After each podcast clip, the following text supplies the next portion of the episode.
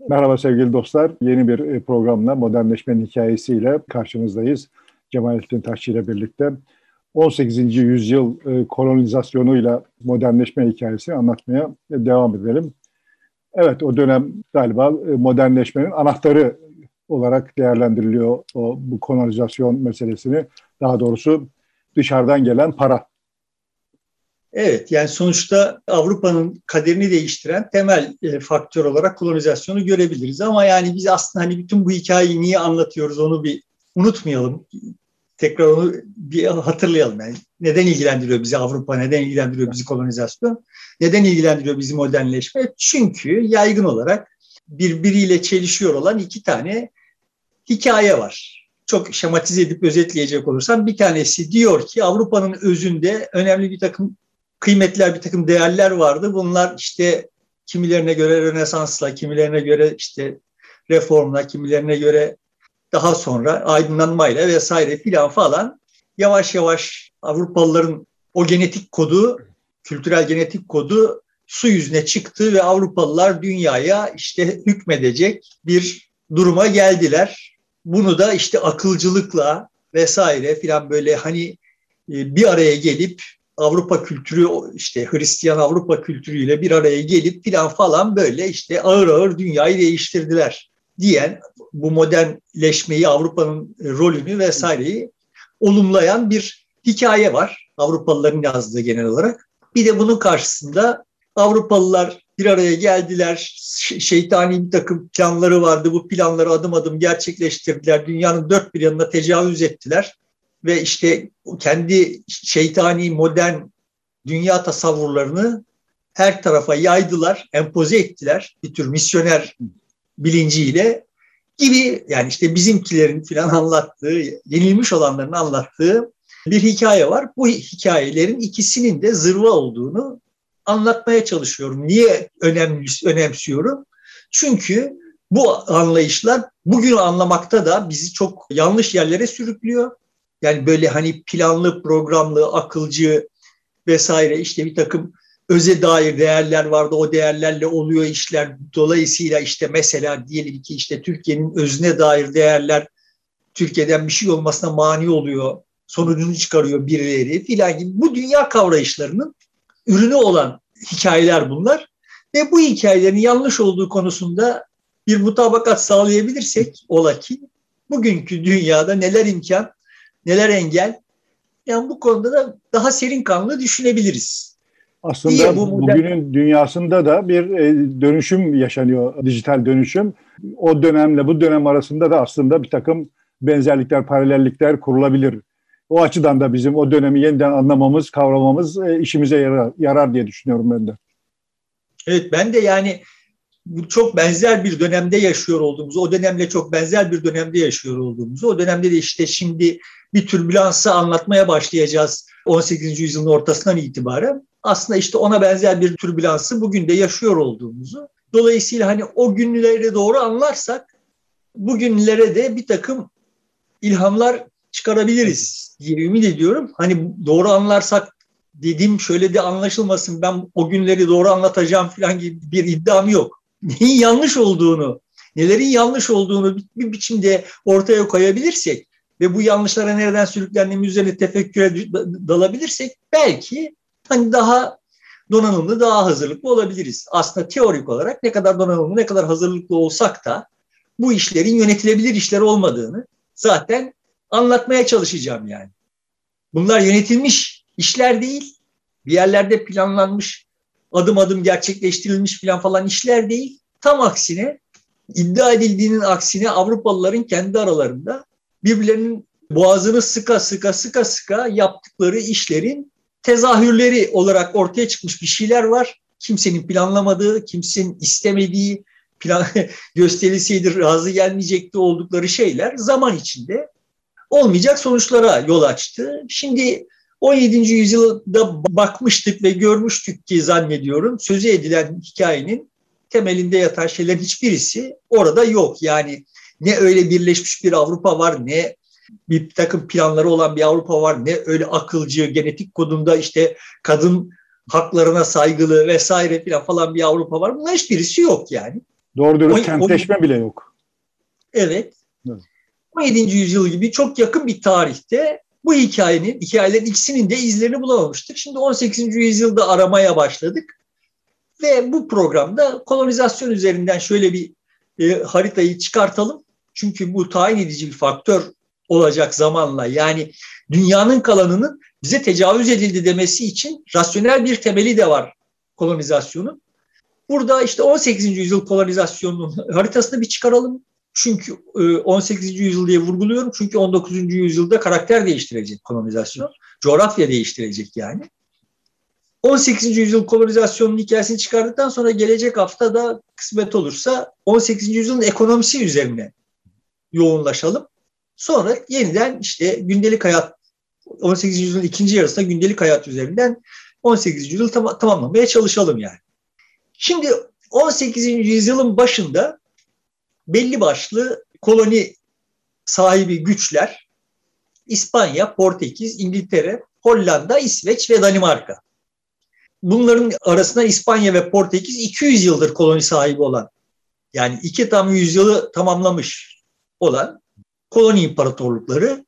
Bunların arasına işte İngilizler girmeye çalışmış. Daha öncesinde Hollandalılar girmeye çalışmış. Ee, aslında 17. yüzyıl bir tür Hollanda yüzyılı. Hollanda'nın altın çağı yani. Ama işte İngilizler bir yandan İspanyollarla bir yandan Hollandalılarla itişerek ara, araya gir, e, giriyorlar. Kendilerinin koloni sahibi olmaları işte söz etmiştik. İlk kolonileri İrlanda aslında. Deniz aşırı ilk kolonileri işte bugün Birleşik Devletler'de olan Jamestown'da, Virginia Jamestown'da ilk defa ayak basıyorlar. Başarısız oluyorlar ama bilahare Hollanda kolonilerini vesaireyi falan falan devşirecekler ileride ele geçirecekler ama daha önce işte yine e, Amerika'nın doğu kıyısında bir takım koloniler kuruyorlar bu sefer başarılı olarak yerleşimler kuruyorlar ve İsveç, Yeni İsveç, Danimarka, Yeni Danimarka, işte Hollanda, Yeni Hollanda falan diye böyle bu isimlerle koloniler kuruyorlar. Nerelerde kuruluyor koloniler? Ana hatları itibariyle 1700 yılında yani 18. yüzyılın başında bütün Güney Amerika, Orta Amerika'nın tamamı, Karayipler, Kuzey Amerika'nın işte Meksika ve Doğu kıyıları kolonileştirilmiş durumda Avrupalılar tarafından. Bunun dışında Afrika'nın güneyinde doğu ve batı kıyılarında küçük cepler var kıyı şeritlerinde kolonileştirilmiş. Afrika'nın içine hiç girilmemiş yani henüz. Hint alt kıtasının güneyinde küçük cepler var ve Bengal'de küçük cepler var. Bunun dışında tamamı kolonileştirilmiş olan İspanyollar tarafından kolonileştirilmiş Filipinler ve e, Hollandalılar tarafından kolonileştirilmiş Endonezya var. Uzak Asya'da, uzak doğuda. 1700 yılında kabaca harita böyle. Peki 1800'e geldiğimizde tablo ne, ne değişmiş? 100 yıl sonra ne değişmiş? Hint alt kıtasının tamamını tamamı ve Bengal'in tamamı bu kolonileştirilmiş olan araziye eklenmiş. Avustralya'nın doğu kıyılarında küçük bir şerit kolonileştirilmiş. Buna mukabil Amerika Birleşik Devletleri kurulmuş. Yani Kuzey Amerika'da İngiltere'nin kolonisi kalmamış. 19. yüzyılın başına geldiğimizde hikaye tablo böyle. 18. yüzyılın kolonileştirme bilançosu coğrafi olarak böyle bir şey yani. Ana hatları itibariyle gördüğümüz tablo ne? Dünyanın uzun tarihinde, insanlığın uzun tarihinde, medeniyetin diyelim uzun tarihinde aslında bir iç deniz olarak bütün tarihin akışını belirlemiş olan Akdeniz'in yerini ağır ağır Atlas Okyanusu'nun aldığını görüyoruz. Yani hikaye Atlas Okyanusu'nun sağında, solunda, doğusunda, batısında dönüyor yani. Şimdi İspanyollar ve Portekizler 16.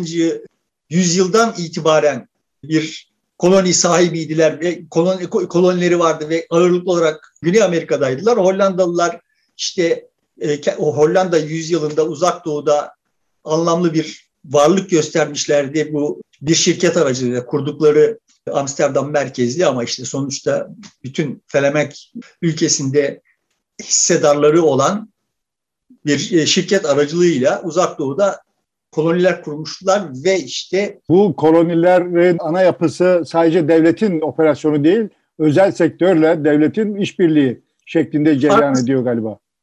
Farklı stratejiler var. O yani İspanyol, Fransız, İngiliz, Hollandalıların arasında farklı stratejiler var. O farklı stratejilerden söz edeceğim. Ama 17. yüzyıl sonlarında Hollanda yüzyılının sonları geldiğinde sonları nasıl geliyor? İşte üç tane Anglo-Dutch savaşı var. Yani İngilizlerle Hollandalıların savaşı var. Bunların üçüncüsünün sonunda İngilizler Hollanda'nın Kuzey Amerika'daki kolonilerini devralıyorlar. Bizim bugün New York diye bildiğimiz şehir aslında Hollandalılar tarafından kurulmuş. İlk adı New Amsterdam. İngilizler buraya el koyduklarında işte devraldıklarında adını New York olarak değiştiriyorlar. Bu süreçte asıl yani Kuzey Amerika'da İngilizlerden önce asıl kolonileştirici güç Hollandalılar. Hollandalıların stratejisi İspanyolların ve Portekizlerin stratejilerinden farklı. Daha ticaret ağırlıklı. Ama işte orada bir takım yerleşimler de kuruyorlar ama ağırlıklı olarak oranın yerlilerinin yerleriyle birlikte bir takım işte ticari ilişkiler geliştiriyorlar. Asıl bir Kur'an şirketi e, ilgi alanı aslında uzak doğu. Baharat ticareti ile işte baharat, afyon vesaire filan falan ve sonra işte bölgenin diğer proto sanayi ürünlerinin de ticaretine yoğunlaşıyorlar ama Kuzey Amerika'da da ciddi bir Kürt ticareti potansiyeli var. Başka bir takım potansiyeller daha bulunabilir ümidiyle bu şirketleri aracılığıyla Kuzey Amerika'da da bir kolonileştirme gerçekleştiriyorlar. Aslında yaptıkları küçük korunaklı bölgeler, serbest pazar mantığıyla bir takım bölgeler kurup ondan sonra da yerlilerle alışveriş yapmak. Ve burada şu ibretlik hikayeyi de görüyoruz. Hani ona da değinmek istediğim için bu uzun hikaye, şeyi anlattım. Hollandalılar kolonileri genişletmeye zorunda kaldıklarında yerlilerden arazi satın almaya kalkıyorlar ve arazi satma, yani arazi niye sahip olma, onun işte parası verip arazinin sahip olma mantığını yerliler anlayamıyorlar yani. Arazi, arazi herkesin, diyor. herkesin yani bu. Şimdi yani ben ben sana neyi satacağım yani? Ben niye ki sana satayım falan. Hmm. Bu kavramlar arasındaki fark ilginç diye düşünüyorum. Artı Hollandalıların ilk kurduğu koloniler ağırlıklı olarak Mohikanlara bağlı. Şimdi Hollandalılarla kurduğu ilişkiler çerçevesinde Mohikanlar işte bu Kürt ticareti vesaire vasıtasıyla muhtemelen işte hayat tarzları vesaireleri falan falan değişiyor. Daha zenginleşiyorlar diyelim. Bu da Mohawkları kışkırtıyor ve işte Mohikanlarla Mohawklar savaşıyorlar.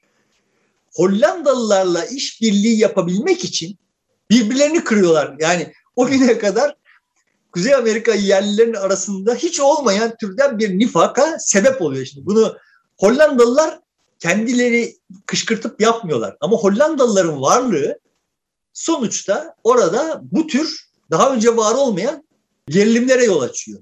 Yani Hollandalılarla iş tutmak onlara güç, para kazandırıyor, üstünlük kazandırıyor diğerlerine karşı. Herhalde yani şimdi çok da işin teferruatını bilmiyorum. Yani Mohikan ya da Mohawk değilim ama sonuçta orada anlaşılan o ki Mohawklar çünkü sonrasında hikayeyi Mohawklar sürdürüyor. Yani İngilizler Hollandalıları oradan sepetleyene kadar Mohawklar şeyi sürdürüyorlar yani Mohikanların eski rolünü. Şimdi ana hatları itibariyle bu Mohikanlar, Mohawklardan falan söz etmişken şuraya gelmemiz gerekiyor. Bütün bir yüzyıl boyunca işte bu Avrupa kendince çalkalanmış, Avrupa'da birçok şeyin değişiyor olduğunu, yavaş yavaş da olsa değişiyor olduğunu ve yüzyılın ortasından itibaren hızlanarak değişecek olduğunu falan göreceğiz. Ama buna rağmen bu kolonizasyon Hint alt kıtası dışında dünyanın yerleşik eski medeniyetlerin hiçbirisine tecavüz edemiyor. Etmiyor ya da. Yani Çin'de, Japonya'da, şurada burada böyle küçük ticaret cepleri var ama ağırlıklı olarak ilk başladığı Güney Amerika ve Orta Amerika'ya eklenmiş olan yerler uzak doğu ada toplulukları. Yani dünyadan kopuk, askeri olarak son derece geri kalmış, güçsüz yani askeri olarak çok güçsüz yerler ve Kuzey Amerika'nın nispi olarak boş bölgeleri. Boş. Neden boş? Çünkü oralara ilk çıktıklarından itibaren olağanüstü bir salgına sebep olmuş beyazlar ve bu nüfusu çok seyreltmiş. Yani neyi görüyoruz? Avrupalılar ciddi bir askeri güç oldukları, birbirlerinin boğazına sıka sıka savaşmayı iyice öğrendikleri, ordularını çok güçlendirdikleri dönemde bile işte Osmanlı'ya, efendime söyleyeyim Çin'e, Japonya'ya filan tecavüz Rusya, etmeye kalkmıyorlar. Rusya'ya karşı da aynı. Yani Rusya'ya da Avrupalılardan sayacak olursak yani. Evet. Sonuçta cüretleri ve cesaretleri buna el vermiyor gördüğümüz kadarıyla tabii. Bunun başka açıklamaları da var. İşte daha önce değinmiştim. Yani sonuçta Latin Amerika'da ve Kuzey Amerika'da kendi hareketlerini e, meşrulaştırırken ağırlıklı olarak ya da işte uzak doğuda yani bunlar dinsizler. Yani tek tanrılı dinlere inanmıyorlar. Dolayısıyla işte bunlara her şeyi her şeyi yapmak mubahtır gibi bir anlayışları var başlangıç itibariyle. Artık bu anlayış çok da sürmüyor sözünü ettiğimiz dönemlerde ama yani onlar kendilerini hala Osmanlı'yla mesela veya İran'la işte dediğim gibi Çin'le filan dövüşecek kıratta görmüyorlar yani. O cesarete sahip değiller. 18. yüzyılın e, sonlarına kadar hikaye böyle yani. 18. yüzyılın sonuna geldiğimizde hala dünyada sadece bu seyrek nüfuslu eski dünyadan kopuk olduğu için askeri olarak çok geri kalmış olan bölgelerde hakimler. Bunun tek istisnası Hindistan. Hindistan'a İngilizler artık hakim olmuşlar yani. Eski dünyada sadece Hindistan'a hakim olmuşlar. Bu kapsamda işte İngiltere Hollanda'nın yerini aldı artık 18. yüzyılın başlarından itibaren ve Kuzey Amerika'da sağlam bir kolonisi oldu. Hindistan'da sağlam bir kolonisi oldu. Hollanda şeyde e, sıkışıp kaldı işte uzak doğuda. İspanya, Kuzey Amerika'da yayılmaya çalışıyor. Bir yandan da Fransa giriyor. Bir, e, ayağını sokmaya çalışıyor şimdi. Teknik olarak bakacak olursan, o dönemin verilerine bakacak olursan ve o verilerden yola çıkarak akıl yürütecek olursan gördüğümüz tablo şöyle bir şey. Avrupa'nın en kalabalık nüfuslu ülkesi Fransa. En güçlü ordusu Fransa'nın ordusu ve sağlamda bir donanması var. Yeterli bir donanması var. Yani. Dolayısıyla aslında hani kolonizasyon en kolonizasyon konusunda en başarılı olması gereken kimdir diye sorsan bu verileri vererek sorsan akla Fransa gelir.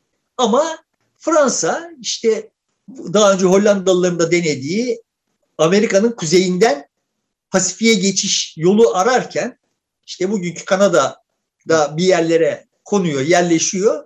Bir de e, şeye yerleşiyor. Louisiana yerleşiyor. Yani Mississippi'nin denize döküldüğü işte bölgeye yerleşiyor yani.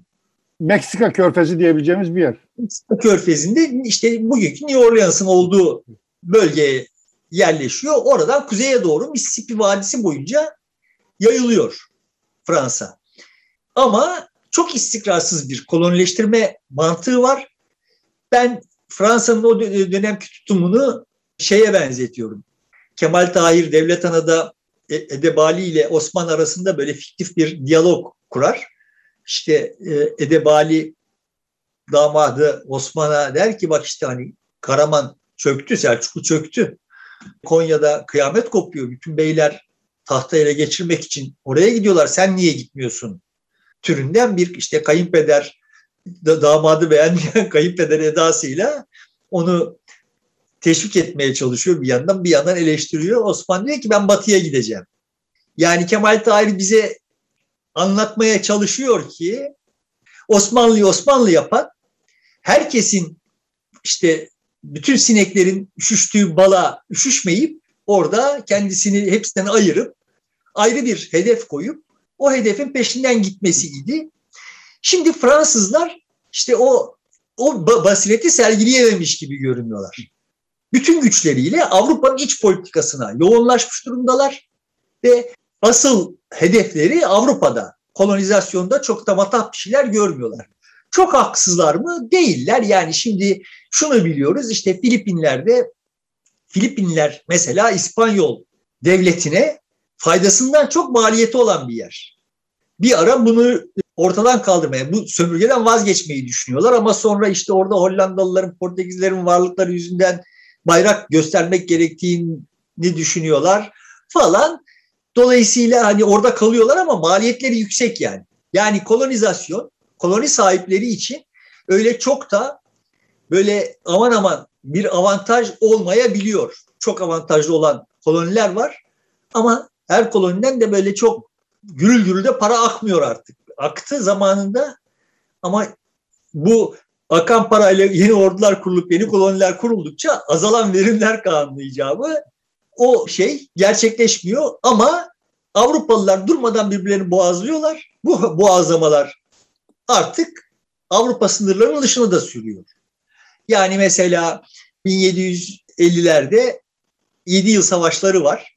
İngiltere ile Fransa arasında ve bu savaş sadece Avrupa'da sürmüyor. Avrupa kıyılarında sürmüyor. Gidip işte Amerika'da da savaşıyorlar.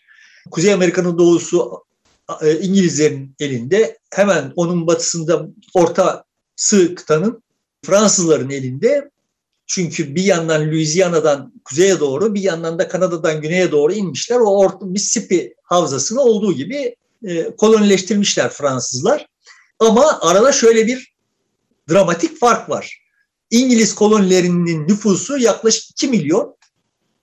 Fransız kolonilerinin nüfusu 60 bin. Nüfusu yetersiz.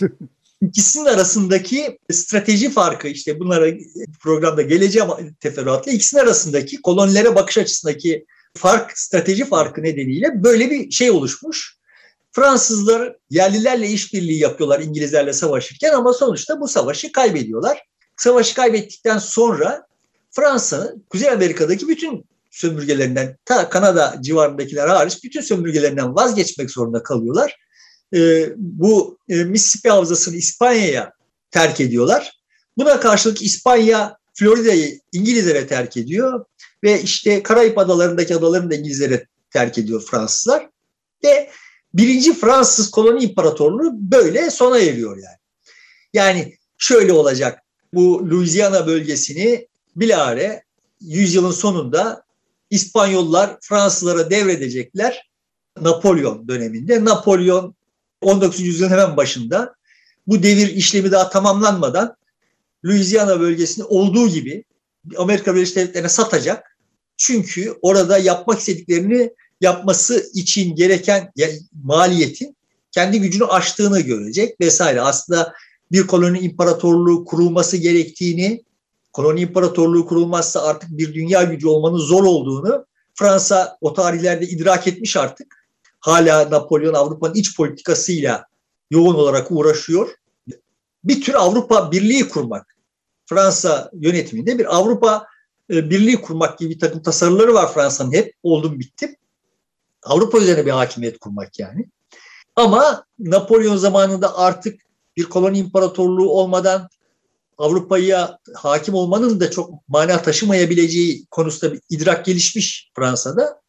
Dolayısıyla Napolyon aslında o İspanyollardan devraldıkları Louisiana'da bir şeyler yapmaya niyetli ama görüyor ki yani elindeki finansal ve organizasyonel güç bunu yapmasına mani. Dolayısıyla Amerika Birleşik Devletleri'ne satacak. Dolayısıyla birinci Fransız koloni imparatorluğu teknik olarak ortadan kalkmış olacak yani.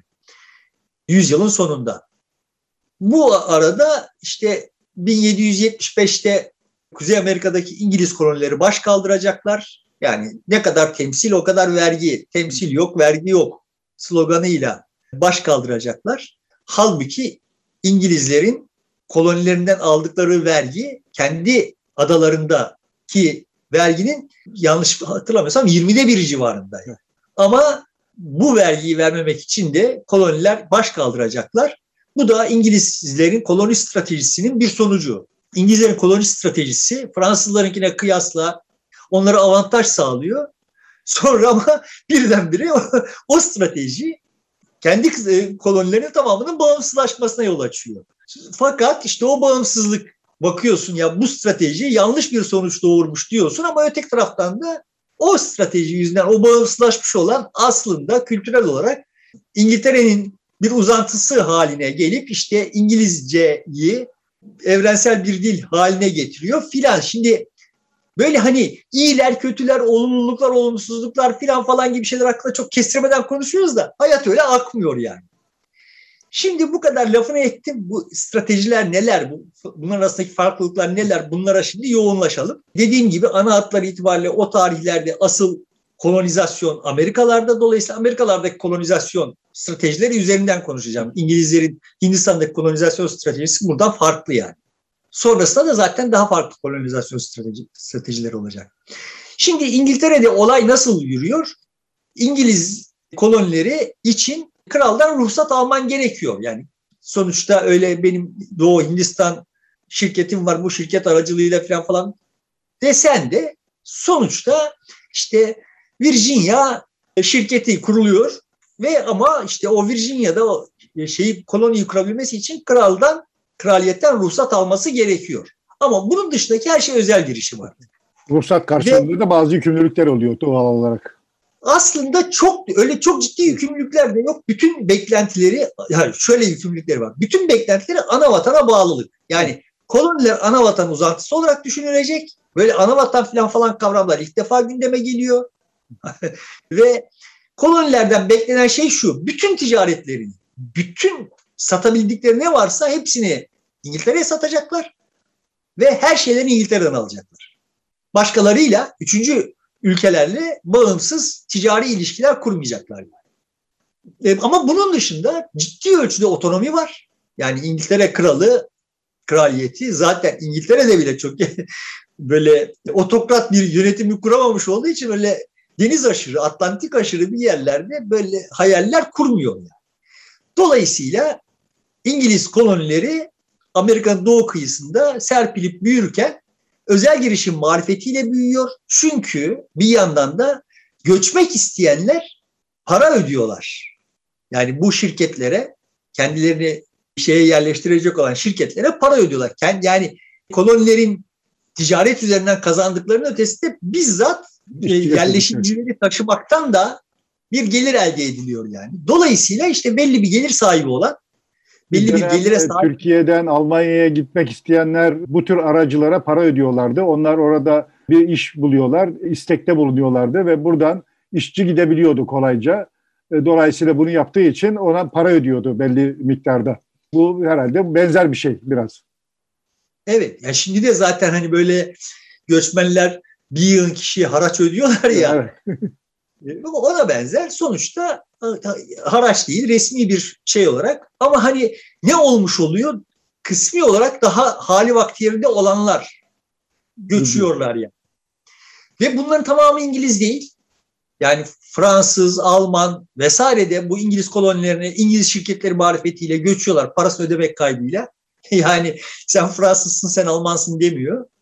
Artı yine o işte İngilizlerin kendi ülkelerindeki oluşmuş olan yapının uzantısı olarak sen Katoliksin, sen Püritensin, sen Protestansın filan falan da olmuyor. Şunlar oluyor.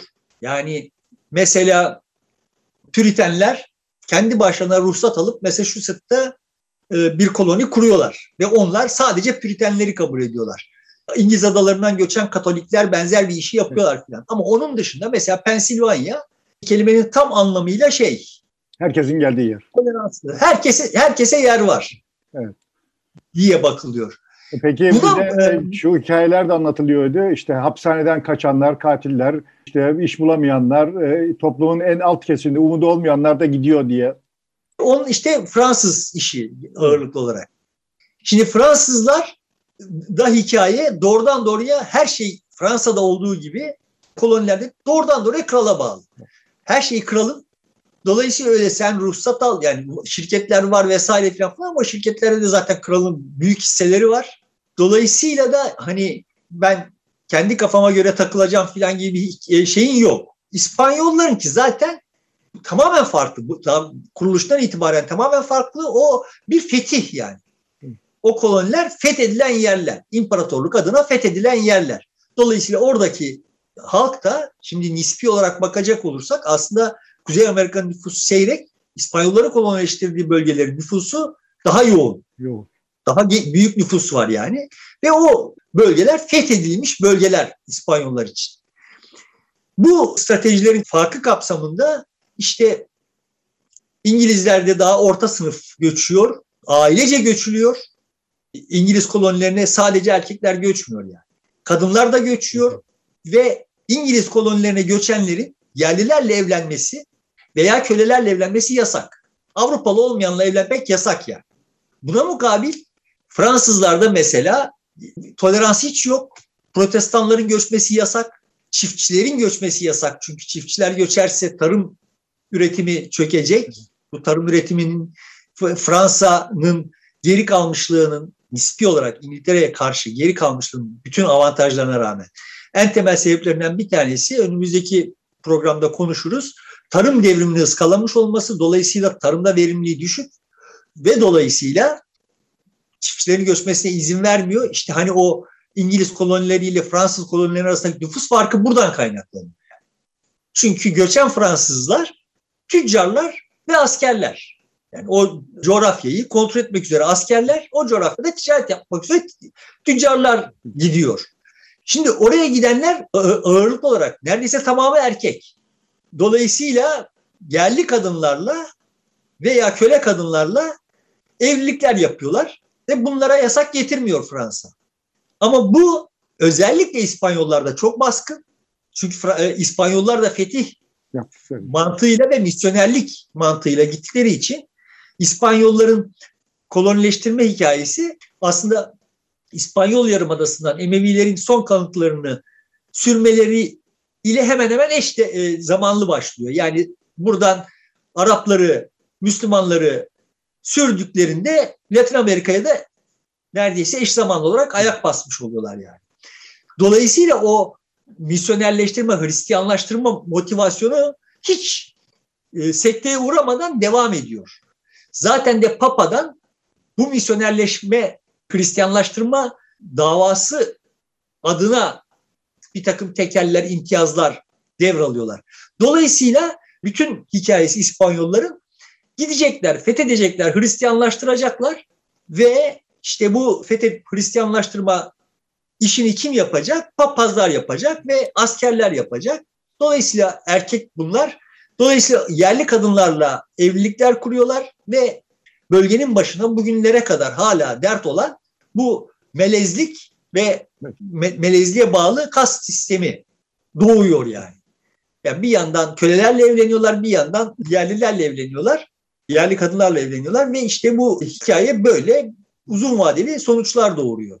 Şimdi bu kolonilere İspanyolların bakışında şöyle bir şey var. Koloni halklarına zulmetme hakkını kendilerinde görüyorlar. Neden? Çünkü onlara zaten Hristiyanlık gibi yüce bir şey yani insan değilken insan yapmış olur onları. Dolayısıyla artık onlar üzerinde her türlü hakka sahip olduklarına inanırlar. Ayrıca bir de İspanyol dilini hediye etmiş olmakla onları taltif etmiş olurlar. Karşılığını yani o yaptıkları zulmü böyle kendi kendilerine açıklıyorlar yani. Siyasi organizasyon olarak İngiliz kolonileri kısmi bir otonomiye sahip. Fransız kolonileri doğrudan doğruya kralın malı. İspanyol kolonileri çok büyük, çok geniş alanlara yayılmış olduğu için hepsi krala bağlı ama yani hepsi kralın mülkü ama yönetim mantığı itibariyle birkaç şey bölgesine vekil kral vekili bölgesine bölünmüş durumda ve kral vekilleri aracılığıyla yönetiliyorlar. Mesela işte Filipinler sözünü ettiğim dönemde Filipinleri terk et, etmemek konusunda karar verilmeye çalışıl, çalışılırken filan Meksika'ya bağlı aslında. Sonra işte Meksika el, elden çıkınca doğrudan krala bağlanıyor filan. İngilizler genel olarak Katolik olmayan yani zaten İngiltere'de çok fazla Katolik kalmamış. Genel olarak Katolik olmayan ların oluşturduğu şeylere sahipler, kolonilere sahipler ama dediğim gibi sadece Katoliklerden olacak koloniler de kurulmuş başlangıçta. Buna karşılık mesela Fransızlar, Fransız kolonileri, ilk kolonileri Fransa'nın protestanlarının sürülmesiyle oluşturulmuş idi ve onları imha etmişlerdi Portekizliler, İspanyollar. Dolayısıyla onlar kalmamıştı. Fransa'da da protestanlar pek zaten artık kalmadı ve dolayısıyla tamamı Katolik. Fransa kolonilerinin tamamı Katolik. İspanyol kolonilerinde zaten dediğim gibi esas misyonu yerlileri Katolikleştirme yani. İngiliz kolonilerinde her türlü iktisadi faaliyet var. Böyle orta sınıf göçüyor olduğu zaman işte orada esnafı, zanaatkarı, sanat sahibi olanı, çiftçisi vesairesi falan falan göçüyor ve orada bir yeni bir hayat kuruluyor. Bir de ev düzeni var. E, dolayısıyla bir kültür de e, yerleşiyor orada. Bir e, kasaba düzenine kolayca geçebiliyorlar. Evet. Yerleşik hayata yani. Dolayısıyla her türlü iktisadi faaliyet var. Kendisine yeterli bir iktisadi faaliyet var yani. Buna karşılık Fransız kolonilerinin tek faaliyeti ticaret ağırlıklı olarak Kürt ticareti. İspanyol kolonilerinin şöyle bir farkı var. İspanyol kolonileri ağırlıklı olarak Güney Amerika'da ve Güney Amerika'da ciddi yeraltı zenginlik yani kıymetli madenler var. Kuzey Amerika'da bunlar yok. Bu da bize şöyle bir ibret sağlıyor yani. Eğer yeraltı zenginliklerin varsa başın belada demektir. Köleleşiyorsun. Yani senin yeraltı zenginliğin varsa köleleşiyorsun. Köleleştirenin de başı dertti. Çünkü köleleştiren de yeraltı zenginliği nedeniyle orayı kolonileştirip seni köleleştirirken seni zapt edebilmek için merkezi bir idare kurması gerekiyor. Merkezi bir idare kurmak için de koloniden kazandıklarını silaha yatırması gerekiyor. Merkezi idareyi sürdürebilmesi için. Dolayısıyla nerede doğal zenginlik varsa onun başı dertten kurtulmuyor tarih boyunca. Buna mukabil işte İngiliz kolonilerinde asıl iktisadi kıymet yaratıyor olan insan faaliyeti. Evet. Ve evet kısa vadede çok ciddi sonuçlar almasa da uzun vadede asıl iktisadi kıymet oradan çıkıyor yani. Tabii onlar bir de çocuklarını eğitmek için okul da kuruyorlar. O okullarda yerliler de muhtemelen eğitim görüyor. Yerleşik hayatı hızlıca geçiyorlar diğerlerinden farklı olarak. E, yani yerlileri hiç İngiliz kolonilerini hiç içlerine almıyorlar. Almıyorlar. Almıyorlar. Yerliler vahşi. Yani onları İspanyolların yaptığı gibi e, Katolikleştirmeye de çalışmıyorlar. Ama onlarla hiç temas etmiyor, etmemeye çalışıyorlar. Yani ticaret kapsamında ne kadarsa o kadar. Ne evleniyorlar ne de kendi aralarına alıyorlar yani. Çok sonra işte Amerika Birleşik Devletleri kurulduktan sonra bile uzun süre yerliler kendi konsantrasyon kamplarında hayatlarını sürdürecekler. Normal topluma katılmaları çok zaman alacak yani. Bütün bu sürecin sonucunda ne oluyor? İngiliz kolonilerinde çok hızlı nüfus artışı gerçekleşiyor. Yani 1627'de bin yerleşimcinin olduğu kolonide işte 1754'te 120 yıl sonra 1,5 milyon nüfus oluyor. Buna karşılık ya bunlar arasında Almanlar, Fransızlar filan falan da var ama yani. Buna karşılık Fransa'da çok yavaş büyüyor. Kanada'da işte 40 binden düşük bir nüfus var ta 1730'larda ve Louisiana'da da ta 1760'larda yani o koskoca bölgede 1760'larda 10 bin nüfus var. Bu 10 binin de yarısı yerli. Yani Avrupalı 5 bin nüfus var yani. İngilizlerin yerlilerle ilişkileri işte ticaretle sınırlı.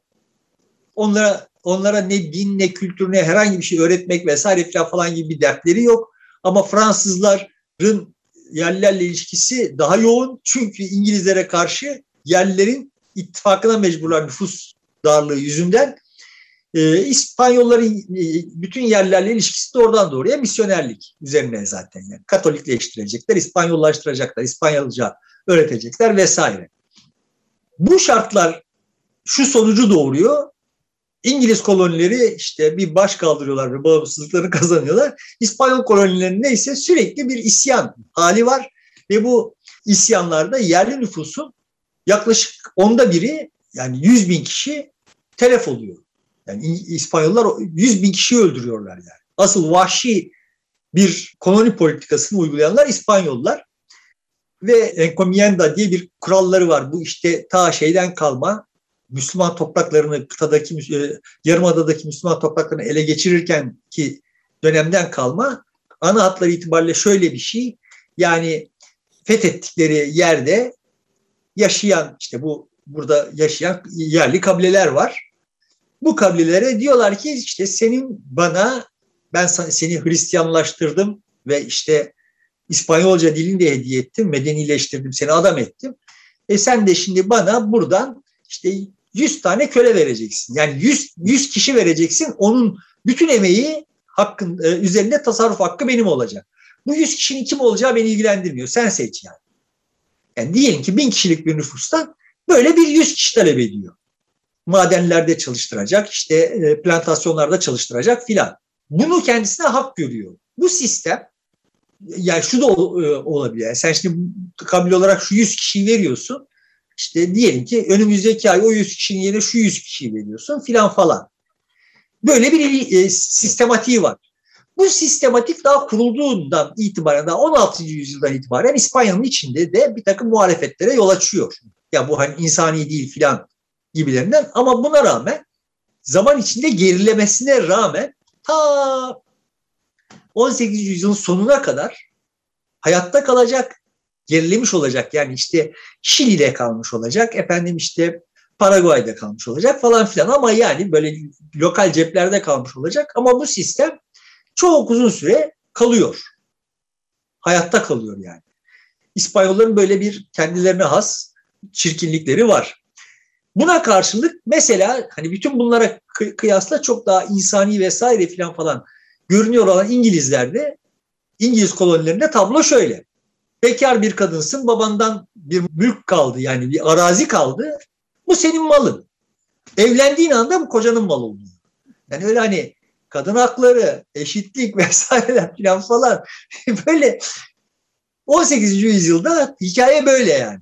18. yüzyılın sonlarında Birleşik Devletler kurulana kadar İngiliz kolonileri hikayesi böyle yani. Ana hatları itibariyle e, hikayeye uzaktan baktığımız zaman şunu görebiliyoruz. İngilizler sadece koloniler kurarken işte e, o koloniler üzerinden kolonilerde kolonilerle yaptıkları ticaretten kazandıkları o kolonilere yerleşimcileri oraya götürür, götürerek kazandıkları alimin arazisini birilerine satıyorsun yani yaptığın iş bu. Senin olmayan arazi. Oradan para kazanıyorsun yani. Şimdi buralardan kazandıklarının filan dışında görünen o ki artan nüfusun yarattığı gerilimleri ihraç etmiş oluyorlar. Yani kendi entropilerini ihraç etmiş oluyorlar yani. Buna karşılık Fransızlar ve İspanyollar bu akılcılığı gösteremiyorlar. Ve fakat tabii ki şimdi sonrasında e, kolonizasyonu ciddi ölçüde eleştiriye tabi tutmamıza sebep oluyor olan, sebep olmuş olan şeylerin çoğunu da biz İngilizlerin Bengal kolonilerinde görüyoruz. Daha önce konuşmuştuk seninle. Afrika'dan köleler, köle ticareti bu dönemde çok yoğun. Çok yoğun yani. Ve o Afrika'dan köleler götürüldüğü için Afrika insan kaynaklarını kaybettiği için Afrika fiili olarak koloni değil. Ama insan kaynaklarını kaybettiği için kötürümleşiyor. Hani mesela Kuzey Amerika için benzer bir şey söyleyemeyiz. Zaten Kuzey Amerika'ya çıktıklarında beyazlar hastalık çok küçük olan nüfusu büyük ölçüde kırmış. Olağanüstü geniş alanlarda kimilerine göre iki buçuk milyon civarında nüfus kalmış zaten. Hani onlara da böyle ekstra bir zulüm yapılmamış. Sadece hani o kimsenin olmayan topraklar yerlilerin aklına göre kimsenin olmayan topraklar yok burası benim diye el konmuş yani Avrupalılar tarafından. Ama öyle ekstra çok ekstra bir takım e, zulümler falan falan yok. Dolayısıyla hani kolonizasyona yönelik işte İspanyolların yaptıkları e, bir tarafa bırakılmak kaydıyla İngilizlerin yaptıklarını böyle çok da şiddetle karşı çıkılacak bir şey yokmuş gibi görünüyor. Nereye kadar? İşte Bengal'e kadar.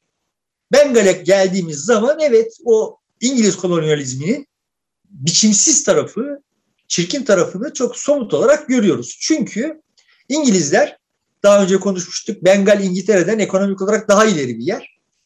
Önümüzdeki hafta da işte aslında İngiliz ekonomisinde Hint ekonomisinin ne kadar yani İngiliz İmparatorluğu'nun ekonomisinde Hint ekonomisinin ne kadar önemli yer tuttuğunu göreceğiz yani.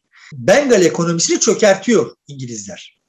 İngilizler kendi pamuklarını Bengal'e satabilmek için yani bütün dünya birlikte Bengal'e satabilmek. Zaten en çok satabilecekleri yer Bengal. En zengin olan yer orası yani. Hala ciddi ölçüde zengin olan yer orası. Dolayısıyla Bengal'e satabilmek için Bengal'de ki pamuklu dokuma endüstrisini imha ediyorlar, yok ediyorlar. Bunu sistemli bir planlı biçimde yapıyorlar yani. Dolayısıyla zaman içinde işte o Bengal dünyanın en zengin, en sağlam bir e, endüstriye ulaşmaya çok yakın olan bölgesi işte bildiğimiz Bangladeş oluyor. Yani dolayısıyla şimdi hani birileri eğer İngilizlerden, kolonyalizmden vesaireden falan falan şikayet etmeye hakkı varsa Afrikalıların ve Bengallilerin var. Ama bizim yok yani.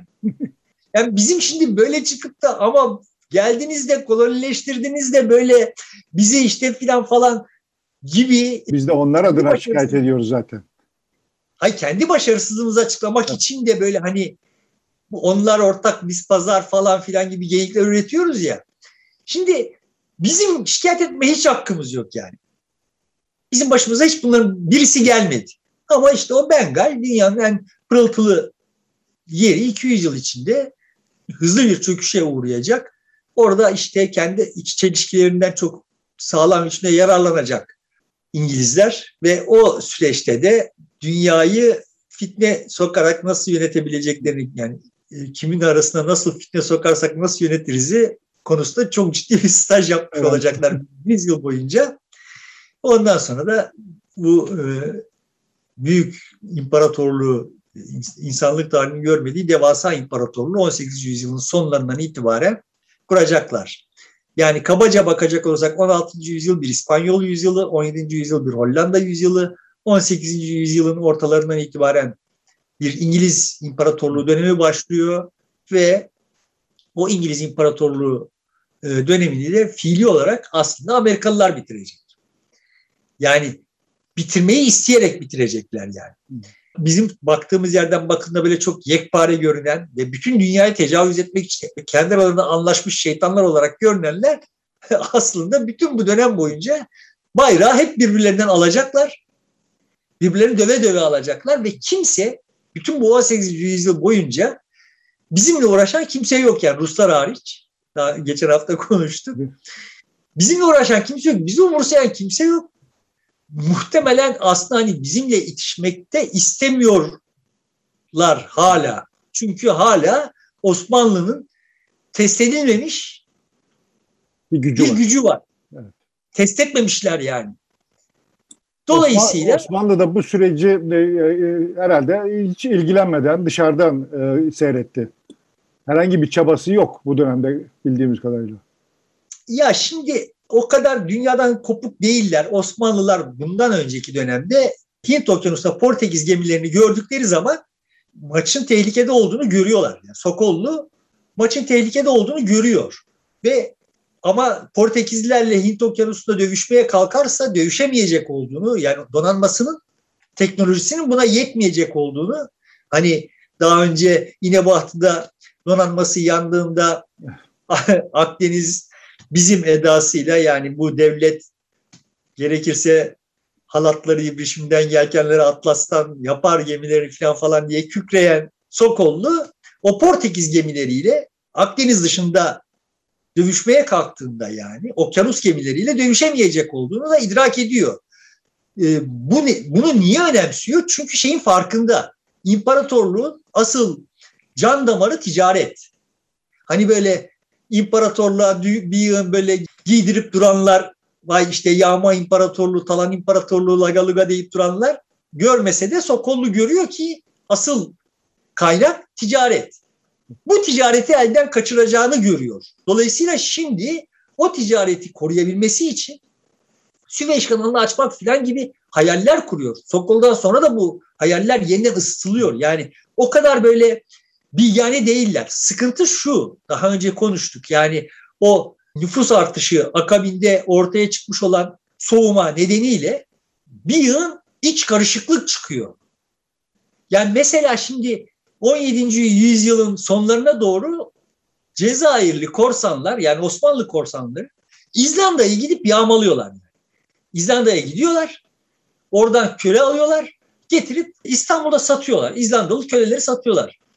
Şimdi birisi sormuş bu İzlanda'ya gitmişler Osmanlılar da madem niye orayı kolonileştirmemişler, oraya yerleşmemişler. Yani niye imparatorluk mantığıyla orada hani bu hep genişleme mantığı var ya imparatorluğun. Madem korsanların oraya gitmiş niye oraya yerleşmemişsin filan gibi böyle sormuş.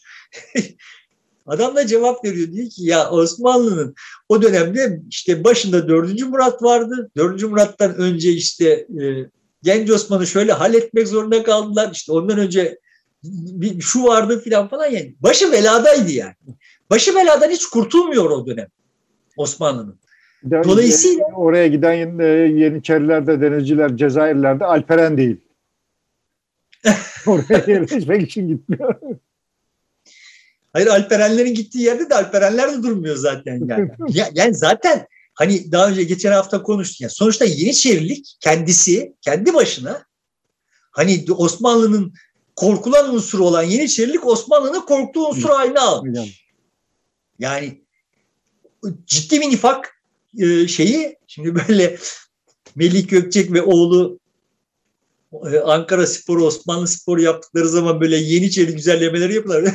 Ve o Yeniçeriler sizin Osmanlı'nızın başının belasıydı. Osmanlılar ondan kurtulana kadar ne bedeller ödediler. Ama işte şimdi böyle tarihler yazılıyor, böyle tarihler okunuyor. Demeye çalıştığım şey bu. Tamam Bunlar tamam mı? İdraksizlik yani. Dünya öyle olmadı, öyle bir şey yoktu.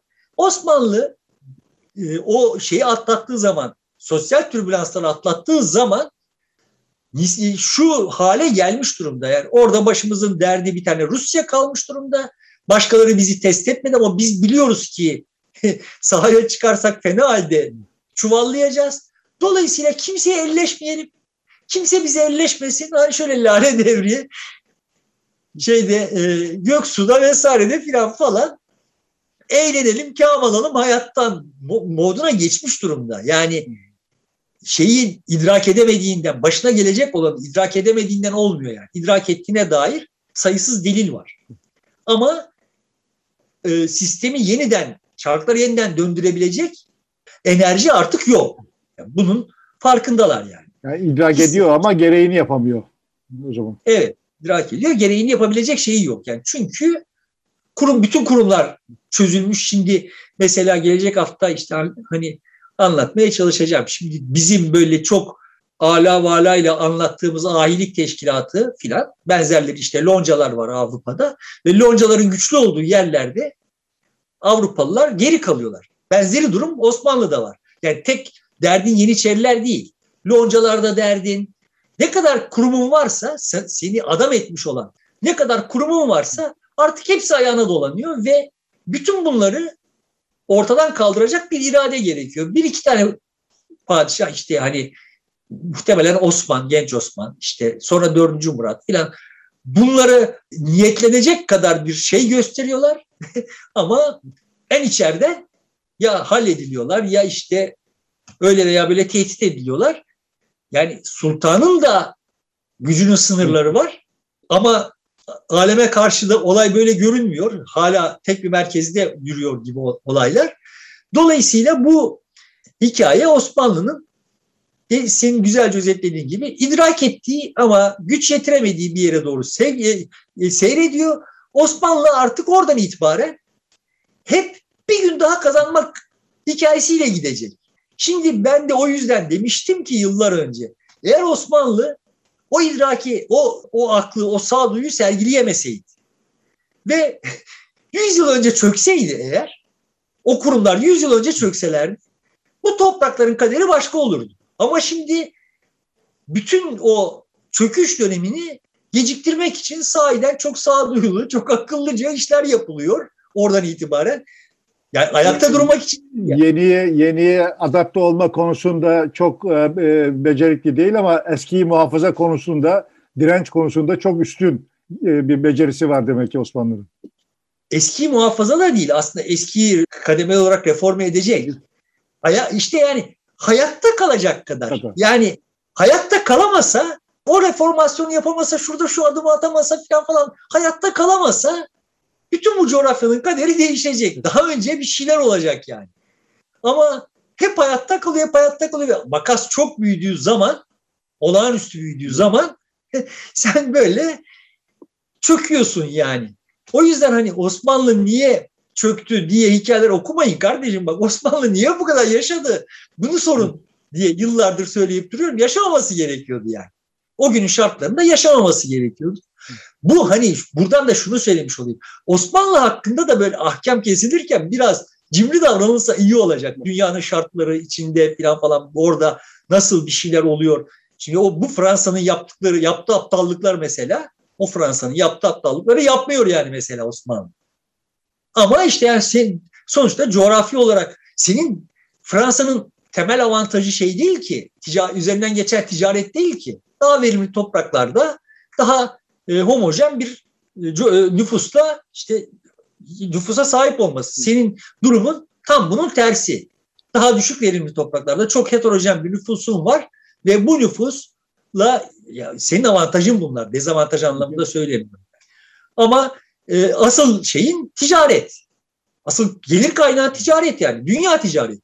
Küreselleşmiş bir şeysin sen. Şimdi o bozuluyor ve onun bozuluyor, bozuluyor olduğunu görüyorsun.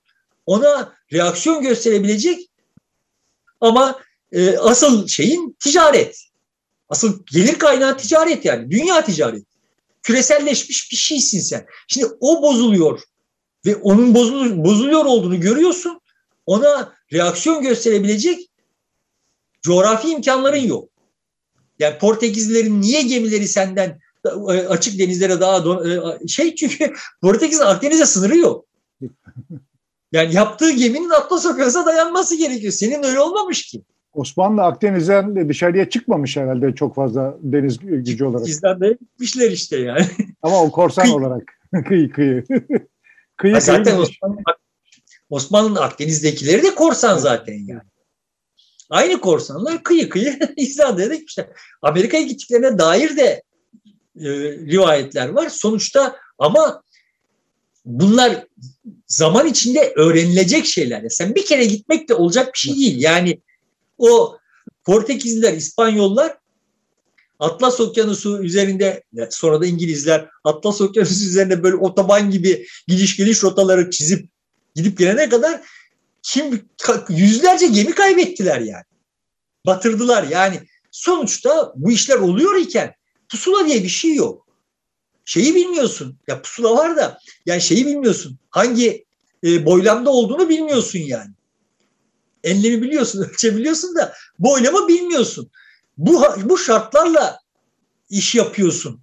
Atlas Okyanusu aşıp gidip geliyorsun ve onlarca gemi kaybediyorsun. Yüzlerce gemi kaybediyorsun. Her seferinde bir şey öğreniyorsun. Bir şey öğreniyorsun. Yani dediğim gibi yani adam Amerika'nın kuzeyinden Pasifik Okyanusu'na çıkacağım diye bilmem kaç tane sefer yapıyor yani.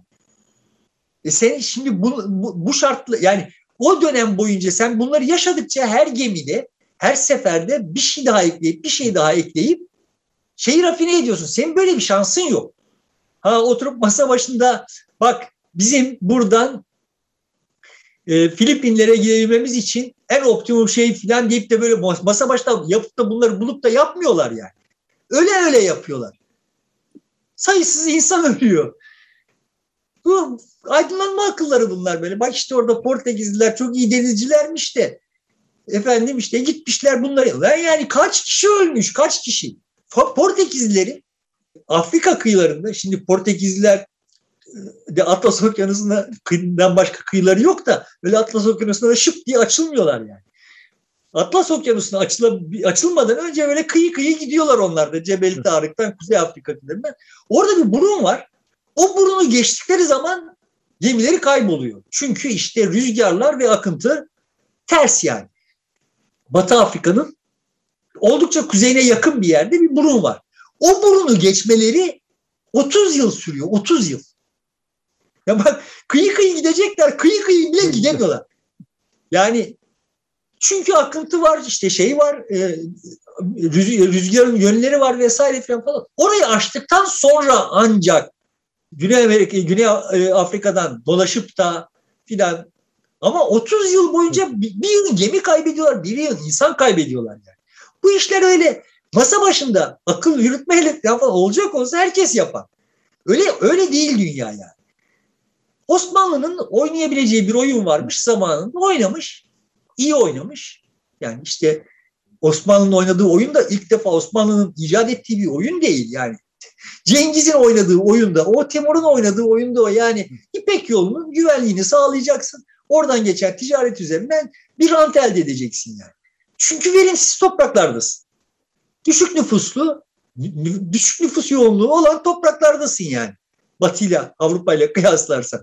Dolayısıyla şimdi bu işin bu işi en son yapan yani en son bayrağı taşıyan Osmanlı. Bu iş bitmiş kardeşim. Ya şimdi ama orada şunu yapsaymış. Yani sen burada şu Türkiye Cumhuriyeti olarak şu, şunca sene sonra önündeki örnekler durup dururken çeşit çeşit örnek durup dururken manevra yapıp Cumhuriyet'in rotasını şuradan şuraya döndüremiyorsun. Koskoca Osmanlı'yı o tarihte o dönemin sosyal, e, siyasi ve işte ekonomik teknolojileri nasıl yapsın istiyorsun yani? Hani Osmanlı'yı temize çekmek gibi bir derdim yok. Tekrar bir yanlış anlaşılma olmasın. Zamanında batsaydı bence çok daha iyi olacaktı. Öyle bakıyorum da. Ama yani böyle absürt iki e, tarihler yazılıyor yani. Çünkü absürt bir kavramlaştırma var. Orada Avrupalılar varmış da böyle çok akıllılarmış. Bilime de çok inanıyorlarmış. Kadın hakları varmış falan filan oturmuşlar. Ya bu dünya böyle olmuyor. Biz masa başında bir anlaşalım kendi aramızda demişler. Sonra dünyaya modernleşme kazıklamışlar filan gibi böyle. Yani bir de adamlar 150 yıl, 200 yıl boyunca birbirlerini, ne ondan sonrasında da 300 yıl boyunca birbirlerinin boğazına sarıldılar kardeşim ya. Avrupalı'nın öldürdüğü Avrupalıyı haddi hesabı yok. Osmanlı öldürmedi o kadar Avrupalı. Yüzde birini öldürmedi ya. Ama böyle absürt absürt hikayeler. Öteki tarafta Avrupalılar da absürt yapıyor. Biz işte bak meraklıydık da gittik Hindistan'da. Hindistan'a gidince Everest'i ölçtük. Ben Hindistan'a gidip Everest'i ölçene kadar kaç tane Hintlinin anasını bellediniz. Artı hani onu geçtim yani. Niye İngiltere'deki en yüksek tepeyi ölçmediniz Hindistan'a gidip Everest'i ölçeniz? Ne merakı yani. Ama böyle işte herkesin kendince ben burada bir bir acayiplik var. Çok acayip. Evet göreceğiz şimdi. Ola, olan biten şey çok acayip bir şey.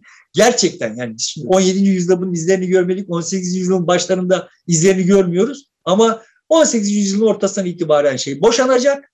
Zemberek boşanacak. Ve dünya tasavvur edilemez bir hızla değişecek. Her şeyiyle değişecek. Sosyolojisi, nüfusu, yani demografisi, ekonomisi her şeyi değişecek. Bunu yapanlar ne yani yaptıklarının farkında olmadan olacak bunlar. Yani mesela nasıl işte hani İngilizler Kuzey Amerika'da böyle otonom otonom e, güzel güzel koloniler kurup işte Fransızlara karşı böyle üstünlük sağlarken birdenbire onların bağımsızlığını kazanması gibi ya yaparken ne yaptığını bilmeden bir şeyler yapıyorsun ve bir, bir takım sonuçları doğuyor. Hayat böyle, tarih böyle akıyor yani. Böyle planlanarak olmuyor bu işler. Kolonizasyon böyle. Evet, burada bir bitirelim istersen. Önümüzdeki e, programda da e, ekonomisine işin bakacağız galiba. Yok. Ekonomisine, ekonomisine bakacağız. Evet, 18. yüzyıl ekonomisine bakacağız. E, peki sevgili Avrupa dostlar, Avrupa'da tabii. E, peki sevgili dostlar, burada bitiriyoruz. E, görüşmek üzere. E, cumartesi e, yeniden karşınızda olacağız. Çarşamba günü yine modernleşme hikayesiyle birlikteyiz.